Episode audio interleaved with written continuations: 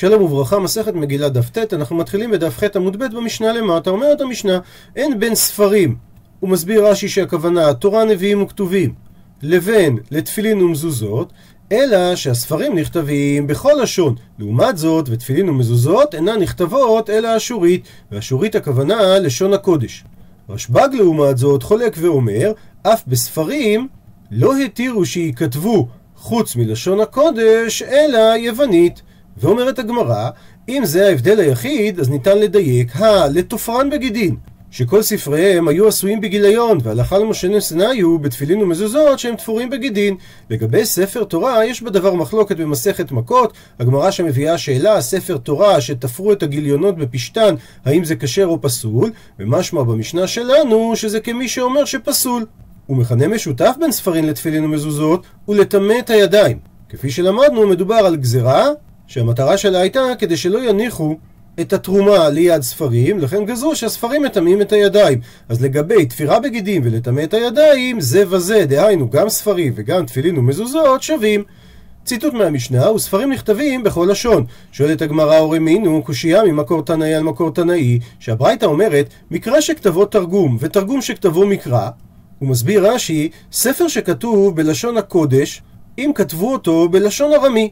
ולחילופין, תרגום, כמו לדוגמה במפגש של לבן עם יעקב, הם בונים גלעד, לבן קורא לו יגר סהדותא, שזה לשון של תרגום, אז אם במקום התרגום הזה כתבו מקרא, דהיינו גלעד, או דוגמה נוספת, תרגום הכתב של דניאל ועזרא לשפת הקודש, הרי זה מגדיר את הספר כספר שאינו ספר של קודש. אותו דבר וכתב עברי, דהיינו, הוא לא שינה את הלשון, שאת התרגום הוא השאיר תרגום, את המקרא הוא השאיר מקרא, אבל הוא שינה את הכתב, את הפונט שכתבו בכתב של עבר הנהר, שזה כתב עברי קדום, הגמרא מסכת סנהדרין מכנה אותו כתב הלבונאה, אז הדין בשתי הדוגמאות הללו, שהספר אינו מטמא את הידיים, כי מתי ספר נחשב ספר קודש? עד שיכתבנו שלושה תנאים, בכתב אשורית, על הספר ובדיו. דהיינו שהוא צריך להיות בכתב שאנחנו משתמשים בו היום, כתב אשורי, כתב מרובע, והוא צריך להיות כתוב על קלף, והוא צריך לעמוד בקריטריונים מסוימים כדי שזה ייחשב לדיו כשר. עד לכאן לשון הברייתא, והרי אנחנו רואים שאחד מהתנאים כדי שספר יהיה ספר קודש, שהוא צריך להיות כתוב בלשון המקורית שלו, ואם שינה ממקרא לתרגום או תרגום ממקרא, הרי הוא כבר לא ספר קודש. אז איך אמרה המשנה שהספרים נכתבים בכל לשון?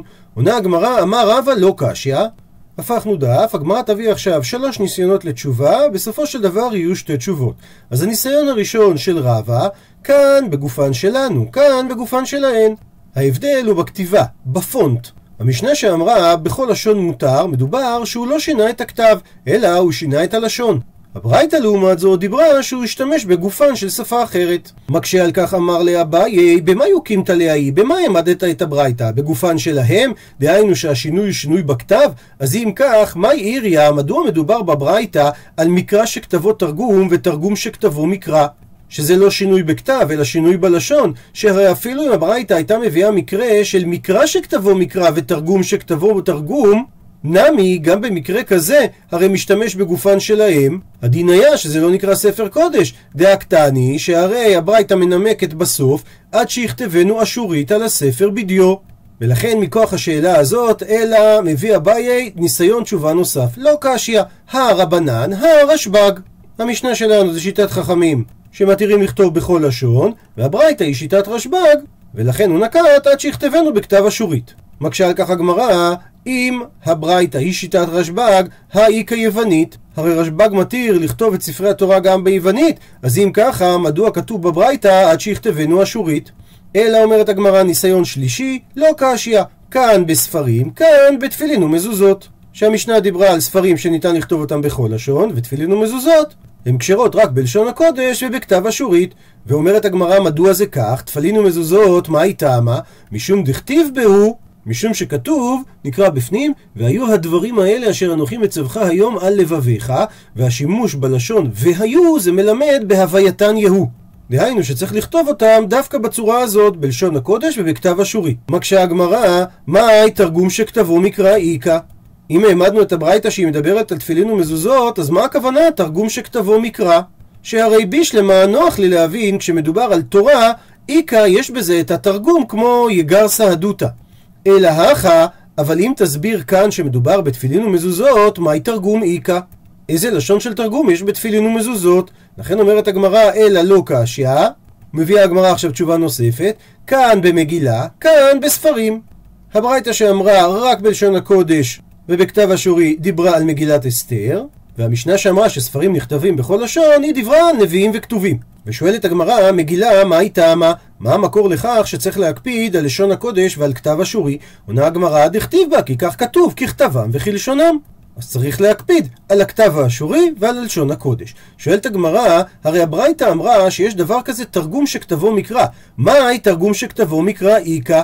איזה דוגמה יש במגילה לדבר הזה? מביאה על כך הגמרא שתי דוגמאות. דוגמה ראשונה, אמר רב פאפא, כתוב ונשמע פתגם המלך, והמילה פתגם זה תרגום של המילה העברית דבר. אז אם כתבו ונשמע דבר המלך, זה תרגום שכתבו מקרא. דוגמה נוספת, רב נחמן בר יצחק אמר, כתוב וכל הנשים ייתנו יקר לבעליהן. והמילה יקר זה תרגום של המילה כבוד, אז במקרה שכתבו וכל הנשים ייתנו כבוד לבעליהם, זה דוגמה לתרגום שכתבו מקרא.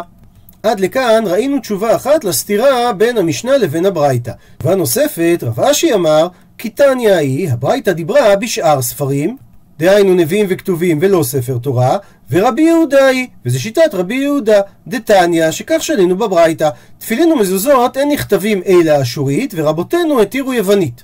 ועוד לפני שהגמרא מביאה את המשך הברייתא, היא לא מבינה. והכתיב, הרי כתוב והיו, וזה אומר שתפילין ומזוזות, כמו שלמדנו, חייבות להיכתב דווקא בכתב אשורי ובלשון הקודש. אז איך אתה אומר שרבותינו התירו יוונית? לכן אומרת הגמרא, אלא אימה, אלא תאמר שנוסח הברייתא צריך להיות ספרים נכתבים בכל לשון, ורבותינו התירו יוונית. אבל גם על הנוסח הזה קשה לגמרא, שאם אתה אומר התירו, מכלל דתנא קמא אסר? להשתמש בשפה היוונית, והרי בנוסח שאמרנו עכשיו אמרנו שלפי תנא קמא הספרים נכתבים בכל לשון. לכן אומרת הגמרא, אלא אימה, אלא תאמר שהנוסח של הברייתא הוא כזה. רבותינו לא התירו שיכתבו, אלא יוונית. וזה בעצם שיטתו של רבן שמעון בן גמליאל במשנה. ותניא, ושנינו בהמשך הברייתא, אמר רבי יהודה, אף כשהתירו רבותינו, שזה רשב"ג כמו שאמרנו, יוונית, לא התירו אלא בספר תורה ומשום מעשה דתלמי המלך. ולפי ההסבר הזה של רבי יהודה, אומר רב אשי שניתן להעמיד את הברייתא שמדובר בכתיבה של שאר ספרים ולא ספר תורה, לפי רבי יהודה, שמותר לכתוב אותם רק בלשון הקודש ובכתב אשורי. הוא מביא עכשיו הגמרא, דתניא, שנינו בברייתא, מה העניין של תלמי המלך? ותלמי המלך, אומר רש"י, מלך מצרים היה. מדובר על תלמי השני פילדלפוס, הוא חי ב-309 לפני הספירה עד 246 לפני הספירה, היה בנו של מייסד השושלת התלמיד. הוא היה מלך מצרים משנת 283 לפני הספירה עד 246 לפני הספירה, והוא נתפס כאחד מחשובי המלכים של השושלת התלמיד. תחת שלטונו התבססו הספרייה והמוזיאון המפורסמים של אלכסנדריה. הוא נודע בשלושה דברים: כמלומד הוא בעל תאווה עצומה למילה הכתובה, בנטייתו לרדוף אחרי נשים רבות, ובאושרו, שעלה על אוצרותיו של כל מלך בן תקופתו, ואף הקבילו אותו לזה של שלמה המלך. לאחר מותו צורף לשמו תלמי השני את הכינוי פילדלפוס, שהמשמעות היא אוהב אחותו, כאות על כך שאשתו השנייה הייתה אחותו הן מאביו והן מאמו. המסורת היהודית, כפי שנראה עוד רגע, מספרת ש-72 מלומדים יהודים הוזמנו על ידי תלמי השני והתבקשו לתרגם את התורה ליוונית, במטרה לכלול את התורה בספרייה האלכסנדרונית. הסיפור הזה מצוי גם במקורות אחרים, כמו איגרת אריסטס, או פילון אלכסנדרני, יוספוס פלביוס, במקורות אחרים שונים. דתניא, שכך שנינו בברייתא, מעשה בתלמי המלך שכינס 72 זקנים, והכניסם ב-72 בתים, דהיינו הפריד ביניהם, ולא גילה להם על מה כינסם, שהם לא יכלו לפני זה לעשות תיאום. ונכנס אצל כל אחד ואחד, ואמר להם, כתבו לי תורת משה רבכם. נתן הקדוש ברוך הוא בלב כל אחד ואחד עצה, והסכימו כולם לדעת אחת. ועכשיו מפרט הברייתא איזה שינויים הם עשו כולם. וכתבו לו אלוהים ברא בראשית, שלא יאמר בראשית שם הוא, ואז בראשית ברא את אלוהים. אז יוצא שיש שתי רשויות, והראשון ברא את השני. השינוי השני, אעשה אדם בצלם ובדמות, שהרי כתוב נעשה אדם, ומכאן פקרו המינים לומר שיש שתי רשויות. השינוי השלישי, ויכל ביום השישי, וישבות ביום השביעי. שלא יאמר כי אם כן אז הוא עשה מלאכה בשבת, שהרי כתיב ויכל ביום השביעי, ותלמי לא יקבל עליו את מדרש חכמים שדרשו מה היה העולם חסר? מנוחה, בת השבת, בת המנוחה. וזהו גומרו, שזה מה שכתוב, ויכל. השינוי הרביעי, זכר ונקבה בראו, ולא כתבו בראם. כי בראם זה אומר שהוא ברא שני גופים, אחד זכר ואחד נקבה. ולכן הם כתבו בראו, כדי שהוא יבין שהאדם נברא בשני פרצופים. דהיינו גוף אחד שהוא בצד אחד זכר ובצד אחד נקבה. השינוי הבא כתוב הווה ארדה ואבלה שם שפתם שגם שם השינוי הוא במקום הווה נרדה ונבלה שכתוב בלשון רבים והוא יוכל לומר שיש שתי רשויות. השינוי הבא ותצחק שרה בקרוביה במקום מה שכתוב ותצחק שרה בקרבה כדי שלא יאמר שיש פה משוא פנים, שעל אברהם הוא לא הקפיד, כי הרי גם הוא צחק. לעומת זאת, על שרה השם כן הקפיד, לכן כתבו בקרוביה. זאת אומרת, אברהם צחק בליבו, לעומת זאת, שרה צחקה ואמרה את הדבר בקרוביה. השינוי הבא, כי באפם הרגו שור, וברצונם יקרו אבוס.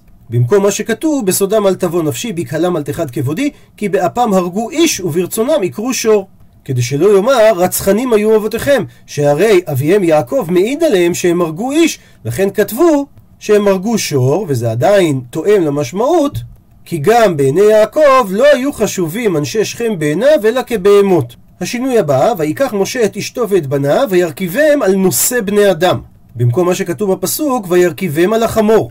כדי שלא יאמר תלמי, משה רבכם לא היה לו סוס או גמל? לכן הם אמרו נושא בני אדם שניתן להבין שמדובר על גמל. השינוי הבא הוא מושב בני ישראל אשר ישבו במצרים ובשאר ארצות 400 שנה. ובלשון הפסוק לא מופיע ובשאר ארצות, כתוב ומושב בני ישראל אשר ישבו במצרים 30 שנה ו-400 שנה. והסיבה לשינוי, כדי שלא יאמר תלמי, שקר כתוב בתורה, כי אם הוא יעשה את החשבון הבא. קהת היה מיורדי מצרים, וכשאתה מונה שנותיו של קהת, ועוד את השנים של הבן שלו, של עמרם, ועוד את השנים של הבן שלו, של משה, הרי כל השנים ביחד אין מגיעות ל-400 שנה. וזה אפילו אם תמנה את השנים בנפרד, כל שכן שהרבה משנות הבנים נבלעים בתוך שנות האבות. דהיינו שחלק מהשנים חופפות, שהרי עמרם נולד כשקהת היה עדיין חי, ומשה נולד כשעמרם היה עדיין חי.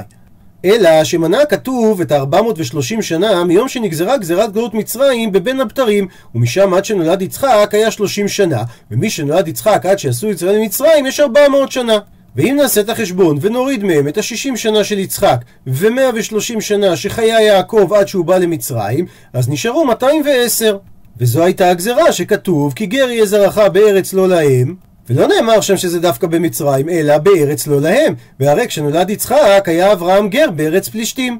אז כבר מאז התחילה הגזרה על זרעו של אברהם, ומאז ועד שיצאו ממצרים, היו יצחק וזרעו, שהם זרעו של אברהם, גרים. את השלושים שנה בין ברית בין הבתרים עד שנולד יצחק, אנחנו לא מונים, כי הגזרה הייתה על זרעו של אברהם. השינוי הבא, וישלח את זעתותי בני ישראל. וזעתותי ניתן להבין גם שזה לשון חשיבות. והסיבה שלא כתבו וישלח את נערי בני ישראל, כי נערי זה לשון קטנות, ואז היה אומר תלמי, גרועים שלכם, שלחתם לקבל פני שכינה? והשינוי הבא הוא שינוי נגרר בעקבות השינוי הקודם, שכתבו ואל זעתותי בני ישראל לא שלח ידו. במקום לכתוב ואל אצילי בני ישראל לא שלח ידו. כי זה פסוק שמופיע באותה פרשה עצמה, ולפי שכתבו בפסוק לפני זעתותי, אז חזרו וכתבו כשמם הראשון, ולא כתבו ואל אצילי בני ישראל. הפכנו דף, השינוי הבא, לא חמד אחד מהם נשאתי.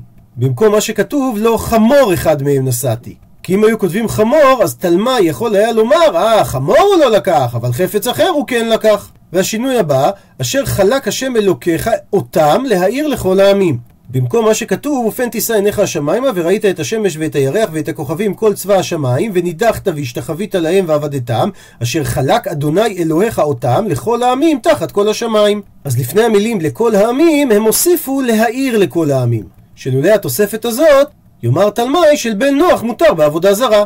ואם נשאל, אז גם בני נוח יכולים לטעות בדבר. מביא רש"י שלשון המדרש שמובא בעבודה זרה, שאכן ניתן לטעות בדבר, אבל זה להחליקן בדברים, כדי לטורדן מן העולם. השינוי הבא, וילך ויעבוד אלוהים אחרים, אשר לא ציוויתי לעובדם. והם לא הסתפקו במה שכתוב אשר לא ציוויתי, והדגישו אשר לא ציוויתי לעובדם. כי אם הם לא היו כותבים לעובדם, ניתן היה להבין אשר לא ציוויתי שהם יהיו בכלל, ואז יאמר תלמי, אם כן, אז הם אלוהות שעל כורחו של ריבונו של עולם הם נבראו. וכתבו לו עוד שינוי, שהוא קצת עובר לפסים האישיים, את שעירת הרגליים, ולא כתבו לו את הארנבת. והסיבה, מפני שאשתו של תלמי ארנבת שמה, ואז שלא יאמר, שחקו בי היהודים והטילו שם אשתי בתורה. והביטוי צעירת הרגליים מתאים לארנבת לפי שידיה קצרות וקטנות מרגליה. דוקטור משה רענן בפורטל הדף היומי אומר שרש"י סבר שמשמעות המילה צעירת זה קצרת, לכן לדעתו הארנבת נקראה קצרת רגליים בגלל רגליה הקדמיות הקצרות מהאחוריות. בירושלמי הגרסה קצת שונה, שם נאמר שאימו של המלך תלמי נקראה ארנבת ולא אשתו. בעל התורה תמימה מביא גרסה שונה, מצאתי כתוב גרסה אחרת, במקום צעירת הרגליים, שעירת הרגליים, והיא גרסה נכונה שכן כתבו הטבעיים שטבע ארנבת לגדל שיער ארוכות ברגליה. דוקטור משה רענן אומר שנראה שאכן זו הגרסה הנכונה, כי היא תואמת למילה שמופיעה בתרגום השבעים. ציטוט מהמשנה, רשב"ג אומר, אף בספרים לא התירו שיכתבו אלא יוונית, ועל כך אמר רבי אבאו, אמר רבי יוחנן, הלכה כרשב"ג. ואמר רבי יוחנן, מהי טעמה דרבן שמעון בן גמליאל? אמר קרא, כי כתוב בפסוק, נקרא בפנים, יפת אלוהים ליפת וישכון באוהלי שם, ויכנען עבד למו. ומזה למד רבי יוחנן, דבריו של יפת יהיו באוהלי שם. שואלת הגמרא, ואימה, אולי תאמר גומר ומגוג, שהרי גם הם מצאצאיו של יפת, למה דווקא יוון? אמר רב חייא בר אבא, היינו טעמה. זה הטעם שאנחנו מתרגמים שזה דווקא יוון. דכתיב, יפת אלוהים ליפת, ומהלשון יפת, אנחנו לומדים, יפיותו של יפת יהא באוהלי שם. ולכן מדובר דווקא על לשון יוון, שלשונו יפה משל כל בני יפת. ואומרת המשנה, אין בן כהן משוח בשמן המשחה למרובה בגדים, אלא פר הבא על כל המצוות. מסביר רש"י, ממות המלך יאשיהו בבית ראשון ואילך נגנץ לוחית של שמן המשחה. אז עד לתקופה שלו, כהן גדול היה נמשך בשמן המשחה ומאותו רגע הוא היה כהן גדול, אבל מהתקופה הזאת, כולל כל הכהנים ששימשו בבית שני, הרי הם הפכו להיות כהנים גדולים רק בגלל שהם היו מרובי בגדים, דהיינו הם לבשו את שמונת הבגדים של הכהן הגדול. והמשנה אומרת שההבדל היחיד ביניהם זה פר הבא כל המצוות. כהן משיח שהורה היתר בדבר שזדונו כרת ועשה כמו שהוא הורה, הרי הוא מביא פר, שנאמר אם הכהן המשיח יחטא לאשמת העם. מה שאין כן מקרה זה בכהן גדול שהוא רק מרובה בגדים, ולא נמשך בשמן המשחה, הוא מביא במקרה זה כסבה או שעירת עזים ולא פר. מקרה שני במשנה, אין בין כהן משמש לכהן שעבר, אלא פר יום הכיפורים ועשירית היפה.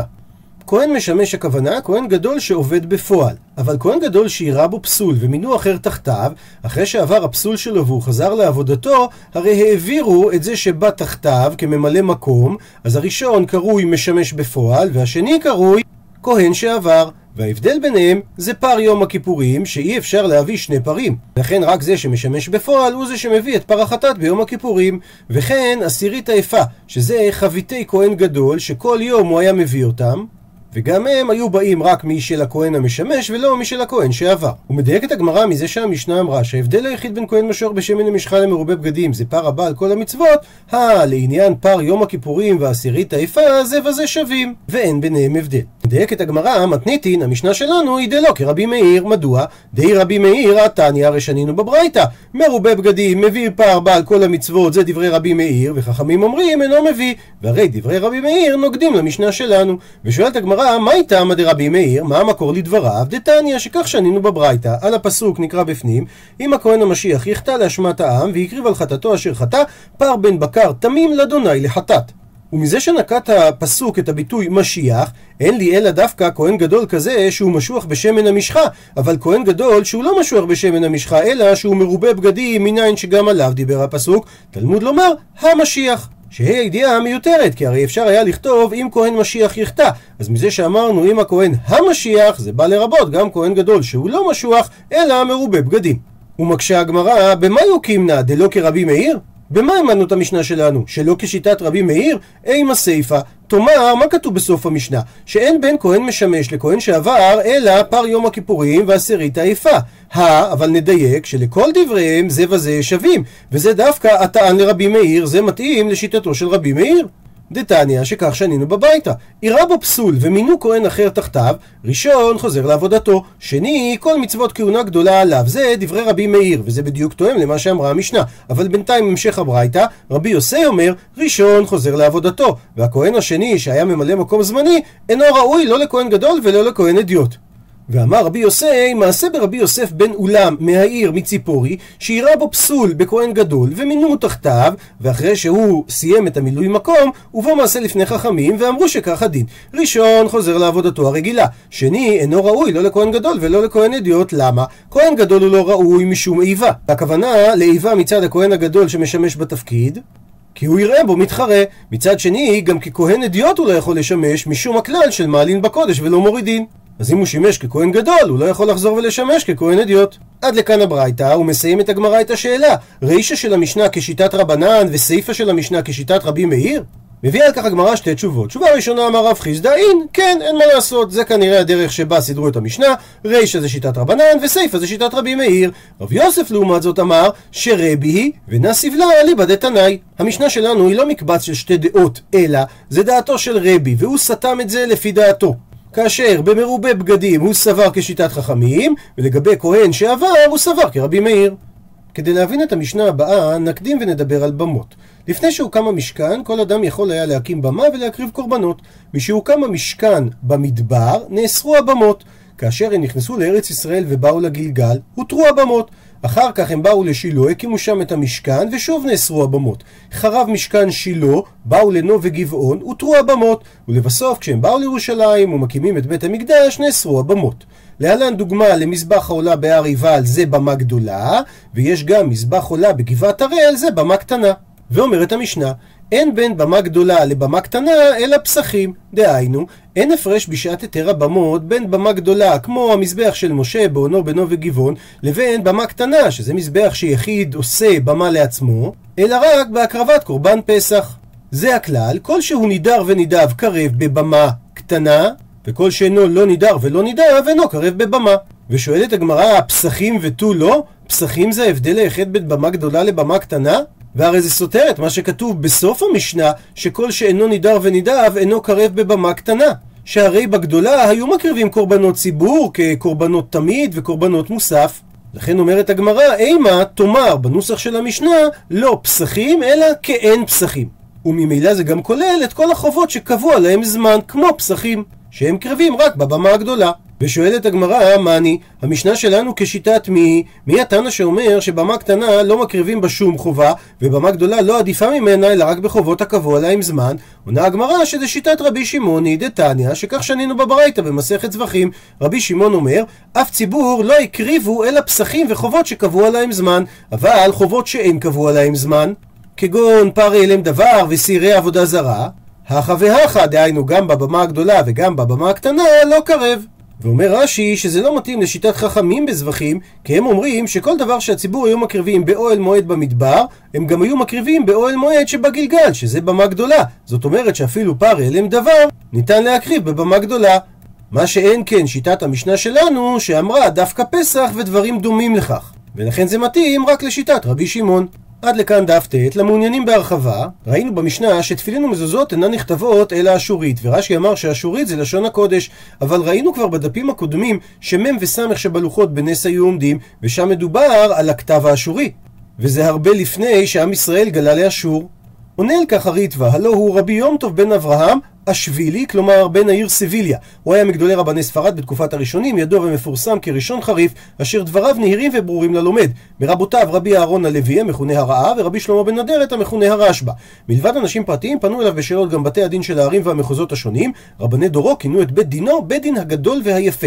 הריטב"א הקדיש מזמנו ללימודי פילוסופיה, ובפרט בספר מורה הנבוכים לרמב"ם, הוא השווה את תרגומיו למקורו הערבי. הריטב"א השתמש בעיקר בשפה העברית, אך לעיתים גם בערבית ובספרדית. יחד עם גדולתו והערצתו בפי הכל יהודים ולא יהודים, הוא נהג בענווה יתרה, ובכל תשובה לשואליו כותב הוא בכבוד גדול.